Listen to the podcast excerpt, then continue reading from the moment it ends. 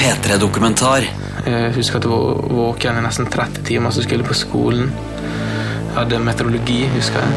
Eh, Og da kjente jeg at jeg ikke klarte å fokusere meteorologitimen. Klarte ikke å følge med. Jeg tenkte bare på at jeg hadde rota det til igjen, og hvordan jeg skulle fortelle det til foreldrene mine. Så gikk jeg på toalettet. Jeg husker at jeg satte meg hodet i hendene og bare Jeg gråt. Jeg, jeg, jeg skalv. P3. Spilleren er en P3-dokumentar om å miste kontrollen, masse penger og livet av Vebjørn Svendsen Espeland. P3.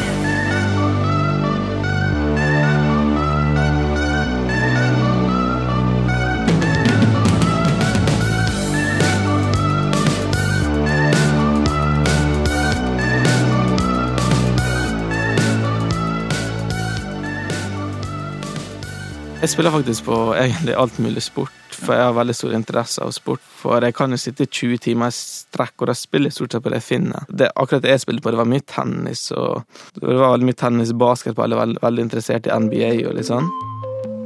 Sigurd er en taper. Han er 21 år, fra Ålesund, og en såkalt stortaper i språket til spillselskapene. Først når jeg så at det var null kroner på kontoen igjen, da, da begynte jeg å svette. Da kom på en måte feberen, for jeg ble svett, jeg visste ikke hva jeg skulle gjøre. Begynte å skjelve i hendene, og for da begynte jeg å tenke på konsekvensene. Hva som skjer nå videre. Pengespill tar liv i Norge. Studier sier at 13% av spillavhengige i Danmark har forsøkt å ta sitt eget liv. En av de som denne dokumentaren vil omhandle, lever ikke lenger. Det her er Sigurds mor, Jorunn. Jeg var jo livredd for at han skulle finne på å gjøre noe forferdelig dumt.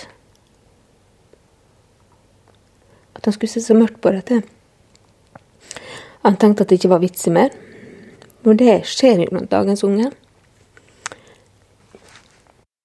Klokka tre på natta, jeg skulle på skolen klokka sju neste morgen, og jeg bare visste ikke hva jeg skulle gjøre, så jeg bare tok på meg jakka og bare gikk en tur. Jeg tror jeg, tror, jeg, tror jeg gikk nærmere en og halv mil, bare for å tenke.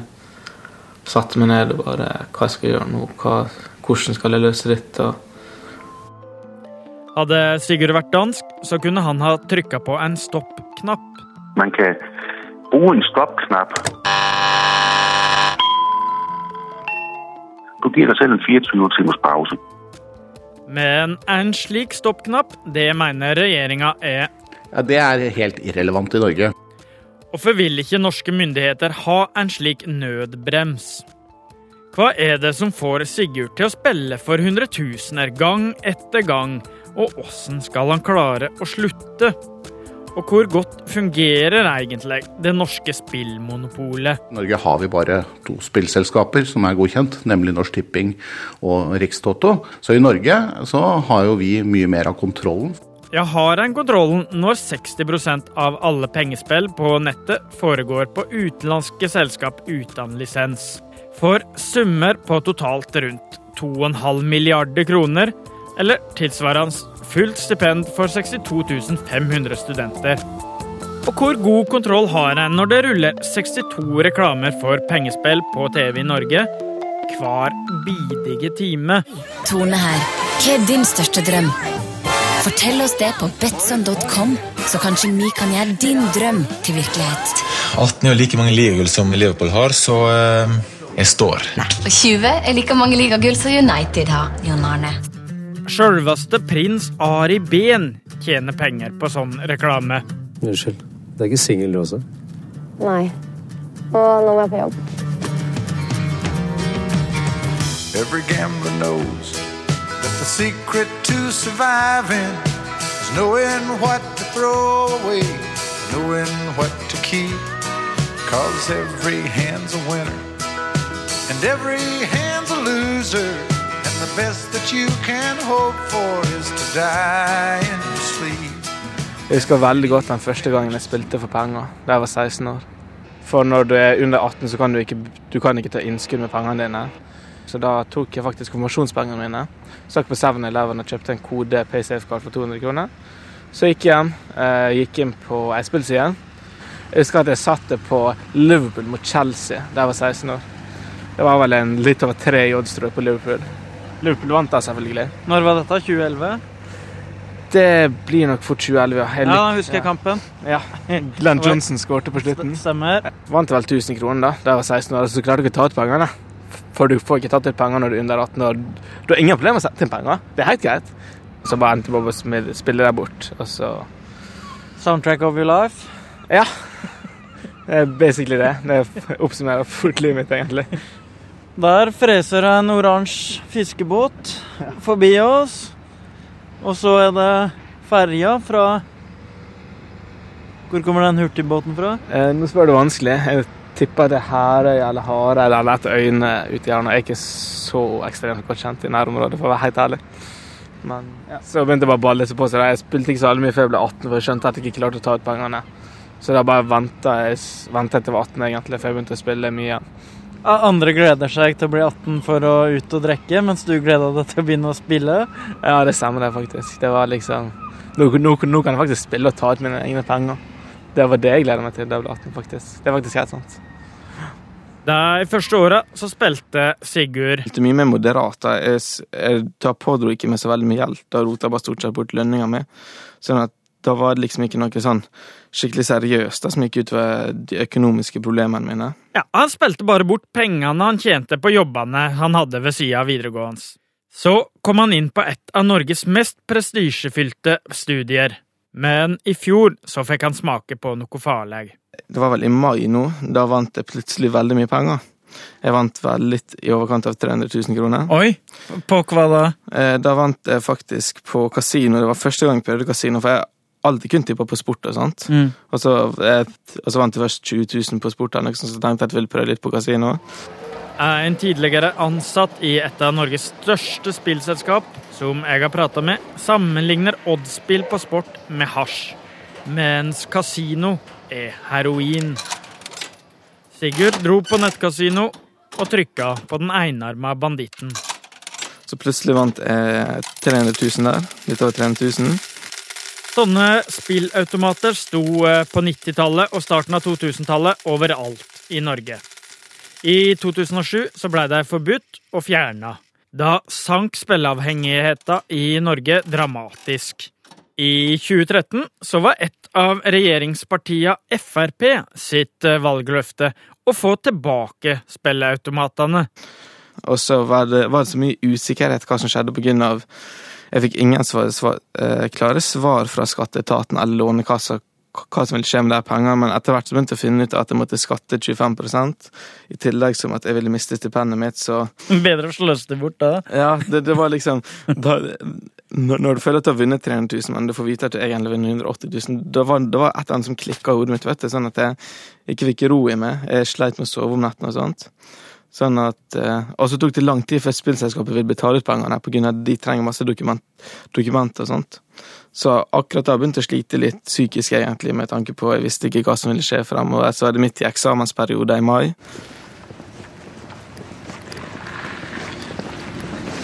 Der er jo eh, dam, eller kona til eh, Lise sin butikk.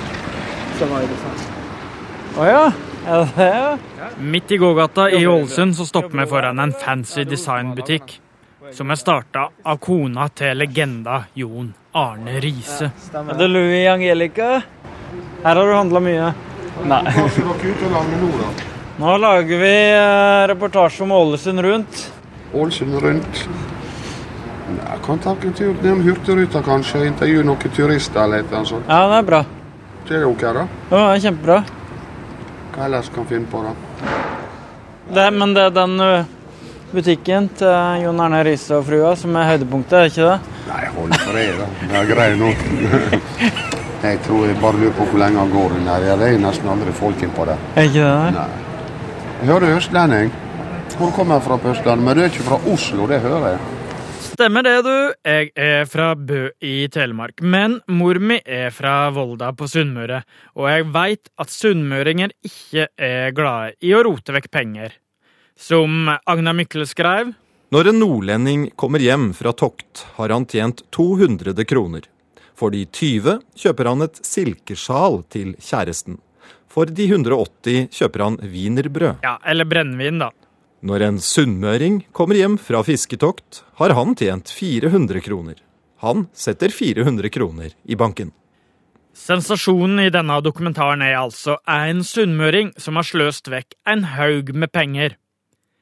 Det er det bare én kjent sunnmøring som har gjort tidligere, nemlig Ålesunds største kjendis. Jeg er veldig stor OFK-supporter. Siden jeg var seks år, 2001, så begynte jeg å dra på nesten hver hjemmekamp. Satt i, i fjellskråninga på, nei, på Kråmyra, på toppen av Vaksla. Jeg husker at jeg reiste til Bodø eh, på opprykkskampen for å få med meg opprykkskampen når de slo Bodø-Glimt i Bodø eh, i 2006. Da jeg sang 'Tippeligaen, Tippeligaen 2007'. Jeg har vært i Tippeligaen siden det, da, så det, det, er deilig. Hva kan du si om statuen vi kommer til nå? Det er en statue som heter Fotballspilleren. Spilleren? Spilleren, ja. Spilleren. Fotballspilleren. Så det, det er jo egentlig av Anne Riise. Og jeg har jo alltid vært stor fan av Anne Riise. Han var idolet mitt egentlig gjennom oppveksten min. Siden han spilte på Liverpool. og Det er av til at jeg er Liverpool-supporter den dag i dag. da. Så det han har jo blitt en frontfigur for spillselskap nå, da, ironisk nok. Idolet Jon Arne Riise. I 2008 så kom det fram at Riise hadde pådratt seg gjeld på 30 millioner kroner, til tross for at han hadde tjent formidable 200 millioner kroner for klubber som Monaco, Liverpool og Roma på den tida. Riise hadde latt agent Espen Bårdsen styre investeringene hans, uten at det gikk veldig bra, og i rettssaka så fortalte mor Berit Riise Jeg kan fortelle i dag hvor nær min sønn var ikke å ville leve lenger. Før hun la til kanskje litt unødvendig. Jeg vet omtrent når mine to sønner er seks. Så tett er jeg på mine to sønner. Det må du være som agent. Jeg må understreke at det her var Berit Riise sine sitat, og at Astrid S kun var stemma som la oss deg. I høst så var Sigurd nesten på høgde med idolet sitt når det gjaldt å kaste bort penger. I løpet av et par måneder så rota jeg bort de 300 000 jeg vant av. Så fra mai til desember så spilte vi opp rundt 200 000 i gjeld på forskjellige kredittkort. Oh. Det er veldig skremmende egentlig å se hvor lett det er å ta opp gjeld og ta opp kreditt i en alder av 20 år uten å ha noe fast inntekt eller noe sånt. Du kan vel ha statistikken på kredittkort.com. Det er bra å si Kredittkort.com. Jeg har vært inn på det her en par ganger. Her popper opp alt det du kan søke om. Her ser du effektiv rente 23% 21,9% 25% Og så hadde 100 000 makskreditt på de fleste. Da var det med 150 000. Hvor lang tid tar det? Og, og søke om kreditt, sant? Ja. Eh, det er gjort på under ett minutt, egentlig. Plott ut fødselsnummer og årsinntekta dine, eh, er, og så får du svar under, på under minuttet. Så har du 20, 20 000 Du får svar på under minuttet? Ja, du får svar på under minuttet, ja. ja. Det er ingen problem. Og du kan også ta opp Bank Norwegian, for eksempel, eller hva som helst kredittselskap. Santander? Ja, det også. Eh, de tilbyr lån opptil 400 000. Forbrukslån som du får utbetalt neste dag. Trenger ikke å sende inn opplysninger, nesten. Hvor mange kredittkort hadde du da? Eh, jeg mista faktisk tellinga. Jeg hadde faktisk ikke oversikt over hvor mange kredittkort jeg hadde på, på, det siste tidspunktet, men jeg tror jeg var oppe i 13-14 kredittkort. Jeg har makset alt jeg kan. Nå når jeg ringte hjem, så kunne jeg ikke ta på meg kreditten. Jeg valgte å si til foreldrene mine jeg hadde sikkert søkt hos alle kredittselskap som finnes i Norge. Og da klarte jeg rett og slett ikke å ta opp meg kreditt, og da klarte jeg ikke å skjule det lenger. Fikk jo ikke råd til å kjøpe bush nei, jule, julegave, så jeg måtte spørre broren min om hjelp. Og hjelp til, til, å kjøpe julegave? Til å kjøpe julegave. Og det er litt flaut, siden jeg har jo jobba ekstremt mye. Og hver dag den personen som ikke har penger. Alle forventer jo at jeg har penger når jeg jobber mye. Det var faktisk tre dager før jul. Uh, vi satt i stua. Jeg var egentlig veldig klar for å gå og legge meg. Jeg og mannen min som var her. Mamma Jorunn sitter i ei grå sofa med veslesøstera til Sigurd ved sida av seg. Sigurd og, og ene broren var, var, kommet hjem på juleferie. Vi hadde sittet her og prata, og så gikk da broren ned i kjelleren. Og så ble Sigurd sittende igjen. Og det var siste skoledag, dag, altså det var natt og kvelden før siste skoledag. Så det var i grunnen snart juleferie, og, og vi skulle kose oss i jula. Da var det litt Det var en eh, sterk beskjed å få. Det var det. Det var ekstremt vanskelig å fortelle det til foreldrene mine, på grunn av jeg var jo veldig redd hva de ville begynne å tenke om om de skulle miste ja, skulle jeg si, miste tillit til meg, da.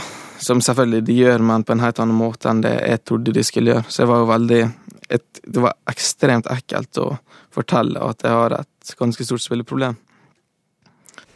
Han sa det ganske eh, rett fram. Han sa at han var blitt spilleavhengig. Det var helt Det eh, var ikke mange ord han sa, men det var det han sa. Han var helt rett på sak med en gang. Og så sa han beløpet. 200 000. Og én ting at det er 200 000. 200 000 i en bank, det, er ikke så, det kan du klare å betale, men 200 000 på kredittkortgjeld, med den grusomme renta de har, det er Det er jo forferdelig mye penger. For det går mye penger ut bare i rente, som da kun bankene profitterer på. Um, utnytter folk på en forferdelig måte. Jeg syns det er ille, det som vi har uh, Vi trodde kanskje at vi kunne få sperra At han kunne på en måte Da Vi tok kontakt med vår bank da, for å få til et banklån. Et ordinært banklån. Så har vi heldigvis en god bankforbindelse. Uh, vi klarte å ordne det. Uh, og så spurte var mannen min som var med på første møte, så spurte han om ikke det var mulig å få, få uh, sperra Sigurd mot å ta opp nye kredittkort. Så sa han det skulle jeg ønske jeg kunne gjort.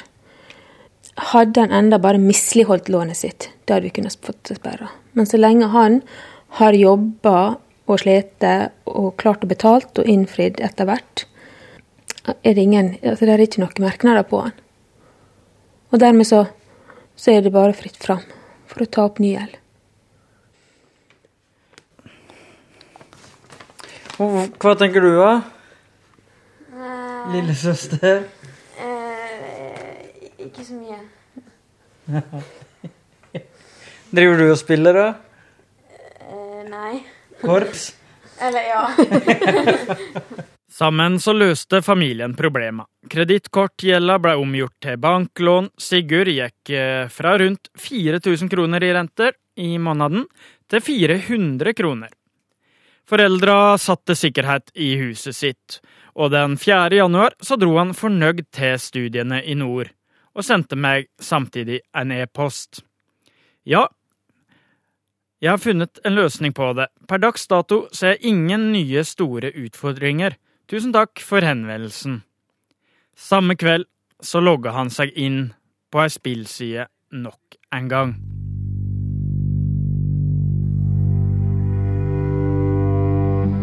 Mamma sann, jeg trodde ingen føles bare i himmelen, men det var Det her er en venn av meg som kom til Norge for 15 år sia.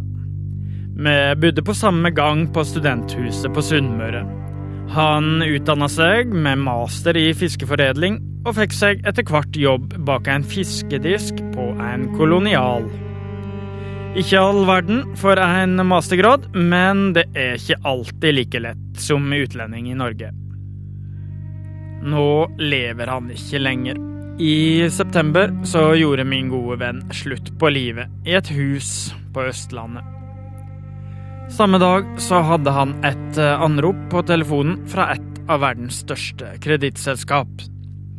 Han etterlot seg ingen barn, med nærmere 600 000 i kredittkortgjeld. Jeg har fått innsyn i spillhistorikken hans hos Rikstoto, og den sier 7025 spill bare det siste halvandre året. For til sammen 455 000 kroner.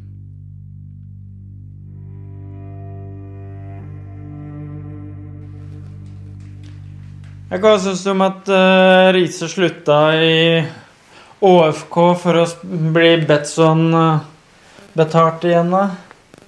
Jeg skjønner på han valgte å slutte, eh, fordi media var veldig ute etter han. Uansett hva som skjedde, så var det Riises skyld at AFK tapte.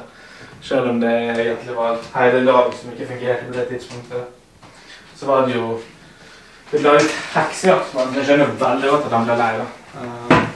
Eh, han har kanskje delvis skyld i det sjøl, men allikevel så skjønner jeg godt at han valgte å dra tilbake til India, kanskje, og gå tilbake til Bretton også. Personlig så jeg det er dumt at det er akkurat det han har valgt. Det er jo, Han måtte selvfølgelig finne noe nytt etter fotballkarrieren sin som han fortsatt tjener en del penger på. Eh, men spillselskapet hadde uansett funnet en profil som ville promotere spillselskapet deres.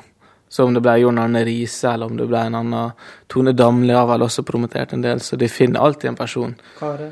Ja, Kara, for eksempel. Han også promoterer masse. For, Ari Behn. Mm. Ari Behn, ja, så det er liksom De stenger ut med penger, og da kommer profilene. For det er det de vil ha. Så, men profilene vet jo gjerne ikke egentlig hvor stort, alvorlig eh, spillproblemet i Norge er, da. Og hvor mye folk sliter av det. De får bare masse penger og er fornøyd med det, vil jeg tro. Så det er veldig mange som sliter ekstremt og ødelegger familier. og Kunne du tenkt deg å eventuelt selge bryllupet ditt til et spillselskap?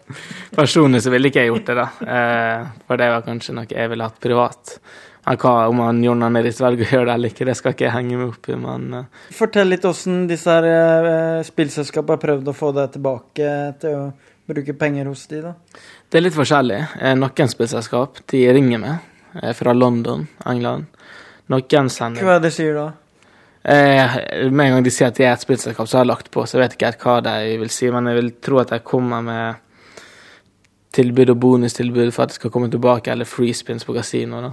Eh, mens andre sender meg e-poster der de tilbyr meg bonuser, og mm, noen har bare setter inn bare et par tusenlapper på kontoen min som sier at jeg kan spille for hvis jeg vil.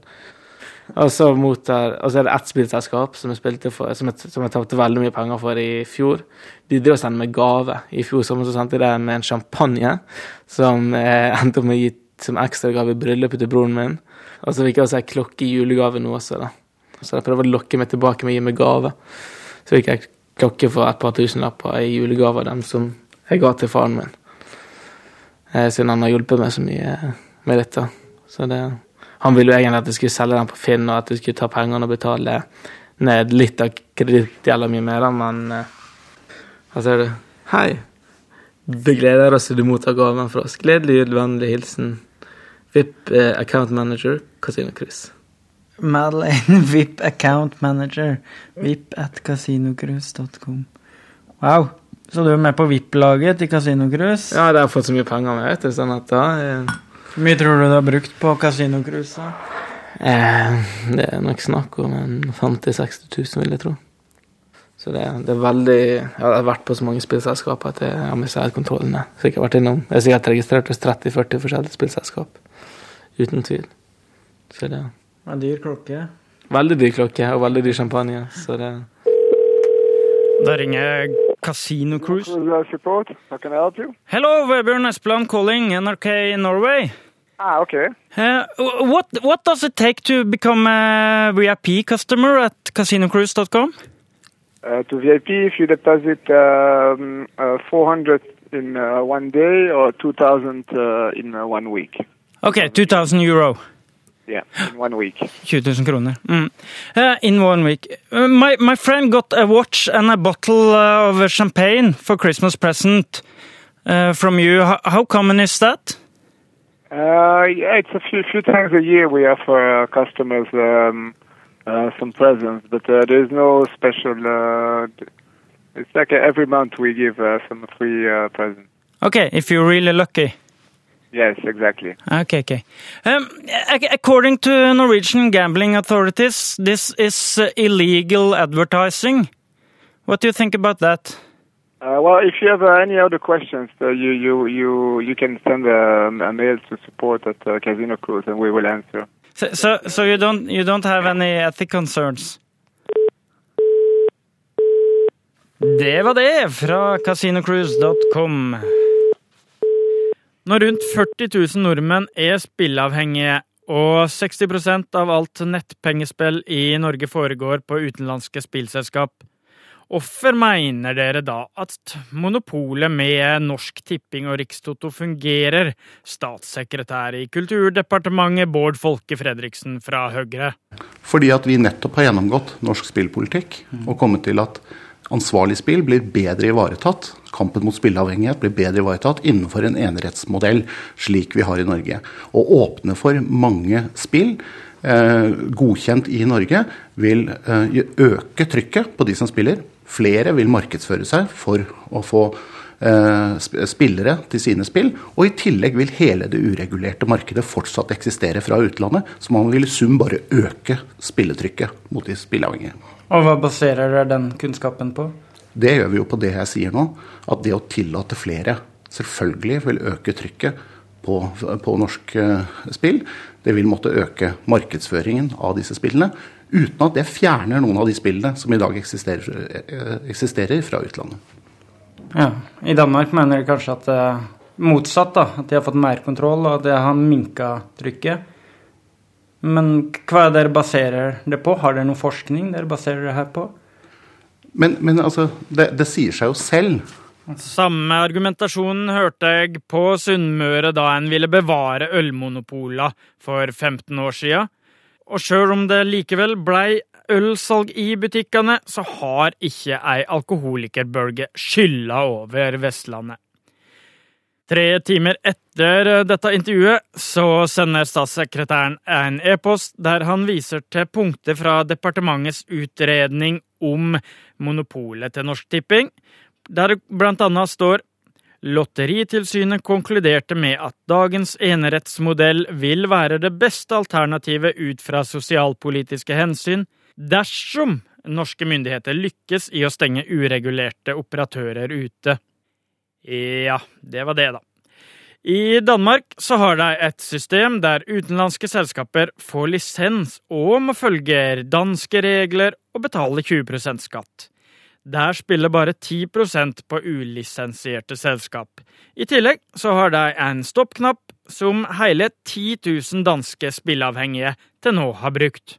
Så systemet er et effektivt og et virksomt redskap til å gi mennesker som er ude i en ulykkelig situasjon, muligheten for å tenke seg om og muligheten for å stoppe, og muligheten for forhåbentlig også at holde seg for evigt vekk fra de her spilltyper her. Mikael Bay Gjørsel fant opp ordet ludomani, altså dansk for spilleavhengighet, for 25 år siden, og han er sjef for Nordens største og eldste institusjon for behandling av lidelsen. Han forteller at 20% av danske spillavhengige har utestengt seg fra alle spill sine som er lisensiert, i alt fra 24 timer til 3, 6, 12 måneder, og hele 6000 har gjort det for evig. Statssekretær Folke Fredriksen peker på at Norsk Tipping har en lignende funksjon, og har mer trua på et varsel på nettet, sånn at folk som går inn på noen av disse sidene, umiddelbart blir varslet om at dette er spill utenfor? Ja, som varsler at dette ikke er et norsk spill som er regulert av norske myndigheter eller norsk forbrukerlovgivning. I tillegg vil vi også se om det betalingsforbudet som i dag finnes, men som i liten grad fungerer godt nok, kan strammes inn og fungere bedre. Hva med IP-blokkering, som mange har vært innom?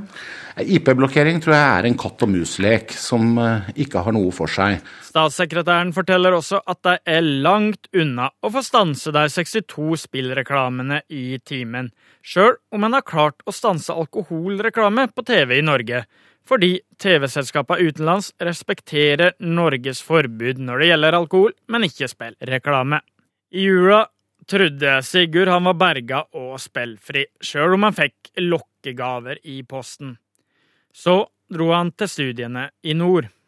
Og så, 4. januar, så begynte du å spille for 9500 kroner. Ja, det samme, for da begynte jeg først litt rolig. Jeg begynte vel å starte med, med, med 2000 kroner, for det var litt det jeg hadde på kontoen min. Og så begynte jeg å vinne. Var det, var det fotball, det, eller? Det var veldig mye tennis, basketball, jeg var veldig, veldig interessert i NBA og litt sånn.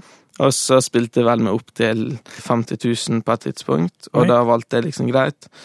Så var jeg veldig redd for Når jeg hadde vunnet mye penger, så ville du ikke si til foreldrene mine at jeg hadde rota til igjen, selv om jeg hadde vunnet penger. eh, så det er det vanskelig å forklare, men det var liksom at de hadde gitt meg så mye støtte. Så Du lova vel litt å holde deg på matta med Ja, spillinga? Jeg tenkte liksom, greit, Hvis jeg vinner veldig mye penger nå, så kan jeg kvitte meg med alle gjelder med, også, for nå har jeg faktisk muligheten når jeg er 50. Så da valgte jeg å faktisk sette 30 000 kroner på tre basketballkamper. Eh, og alle de gikk inn. Jeg vant vel en 230 000 da. Og da begynte jeg å vinne på alt mulig jeg satte penger på. Eh, og så plutselig var vel jeg oppe en, jeg var vel oppe i en 270 000 på det meste, tror jeg. Ja, Dekket hele kredittkortgjelda, da? Ja, på en måte, men og så igjen så skal jo skatten ha 20 000 Nei, eh, nei ikke 20 000, 25 beklager. Skatten skal ha 25% og så skal jeg også, så mister jeg også stipendet på en 50 000. Så plutselig så er det egentlig ned igjen kanskje 170 000-180 000 igjen. Og så, greit når jeg tenkte det, så vil jeg så klarte ikke å stoppe, da, på grunn av når du skal ta ut penger fra et spillselskap, så tar det kanskje opptil ei uke eller to. Ja, øh, sjette i første så spilte du for 80 000, sjuende i første for 105 000, Mm. åttende i første 420 000, Ja. og så niende i første 180 000, da, da var det ferdig.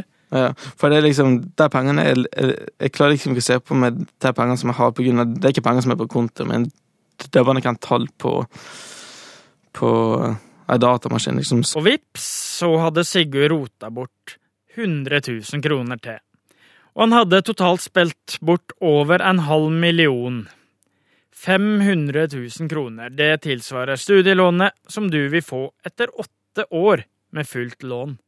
Klokka var tre på natta. Jeg skulle på skolen klokka sju neste morgen, og jeg bare visste ikke hva jeg skulle gjøre, så jeg bare tok på meg jakka og bare gikk en tur. Jeg tror jeg, tror jeg, jeg, tror jeg gikk nærmere en og halv mil, eh, bare for å tenke. Satte meg ned og bare Hva skal jeg gjøre nå? Hva, hvordan skal jeg løse dette? Jeg er heldigvis ikke en person som får suicidale tanker. Eh, Jeg har ikke fått det ennå. Eh, Men jeg var ekstremt langt nede. Jeg var skikkelig fortvila. Jeg skulle sette meg hodet i hendene og bare Jeg gråt. Jeg, jeg, jeg skalv. Altså, jeg husker jeg tok opp telefonen og sendte den meldinga til mamma der jeg fortalte at jeg hadde rota det til på nytt. Da satt vi i bilen. Så vi hadde akkurat satt oss i bilen. Så vi skulle ut og finne eh, Ut og se på, noe, på blant annet et nytt bord. Eh, og vi hadde akkurat satt oss i bilen, var på vei på butikken og fikk den meldinga. Det ble en veldig rar butikkrunde. Eh, vi husker ikke hva bord vi kjøpte, men vi går og venter på det den dag i dag. Spennende. Det er veldig spennende å se hva vi har fått. Det var et sjokk, og jeg tenkte hva gjør vi nå for han? Og den første tanken som slo meg, det at eh, Hvordan har gutten min det nå?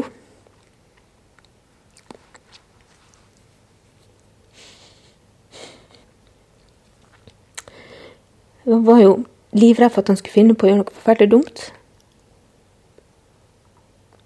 At han skulle se så mørkt på dette. Han tenkte at det ikke var vits mer. Og det skjer blant dagens unge. Så da var det om å gjøre å prøve å få Første vi tenkte, han må hjem.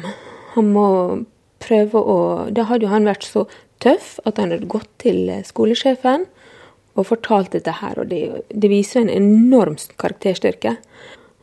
Og fra den torsdagen til han var hjemme her i stua på, til vi var henta han på flyplassen på søndagen, eh, da så vi lite. Da var det å sjekke. Har jeg kontakt med han? Er, er han der? Hvordan har han det? Og så skal ikke jeg mase for mye. Så det var, det var noen fæle timer. Sigurd kom hjem, men var så i kjelleren at familien søkte hjelp hos fastlegen. Fastlegen sa dette Hun lurte på hva type spill det var, om det var sånn En annen var banditt. Men det hun etter hvert sier, at det fins ikke noe sånt tilbud i Norge. Var det vel hun sa? Og så sa, sa hun vel også at det, eh, dere kan jo prøve å ringe til anonyme alkoholikere. Så kanskje det kan hjelpe dere. Heldigvis ga ikke familien seg og fant ut at det finnes ganske masse hjelp å få der ute. I dag så går Sigurd til en psykiatrisk hjelpegruppe for spillavhengige, leda av folk med utdannelse i spillavhengighet. Det er nå onsdag 8. mars, jeg har akkurat kommet tilbake fra min fjerde gruppetime. Det som skiller meg fra de andre på gruppa, er jo at jeg var kanskje den eneste som stort sett har spilt på sport, mens de andre har spilt på kasino. Jeg har også begynt å komme til en fase nå der jeg begynner å tenke veldig mye på å flytte oppover til Bardufoss igjen og begynne på igjen med studiene mine. Men det er veldig mye som må løses. Jeg må snakke med skolen, få det til å passe med at jeg skal begynne på igjen. Gjelda jeg har, for jeg får jo månedlig avdrag, jeg må klare å betale de. Samtidig som jeg skal ha penger å leve for. For øyeblikket nå så jobber jeg jo fulltidsstilling. Men det er den nye gjelden jeg pådro meg i januar, som er ganske dyr for meg å betale hver måned. Så jeg må få finne ut en løsning på det. Men det vil nok løse seg til slutt. Jeg må bare være tålmodig.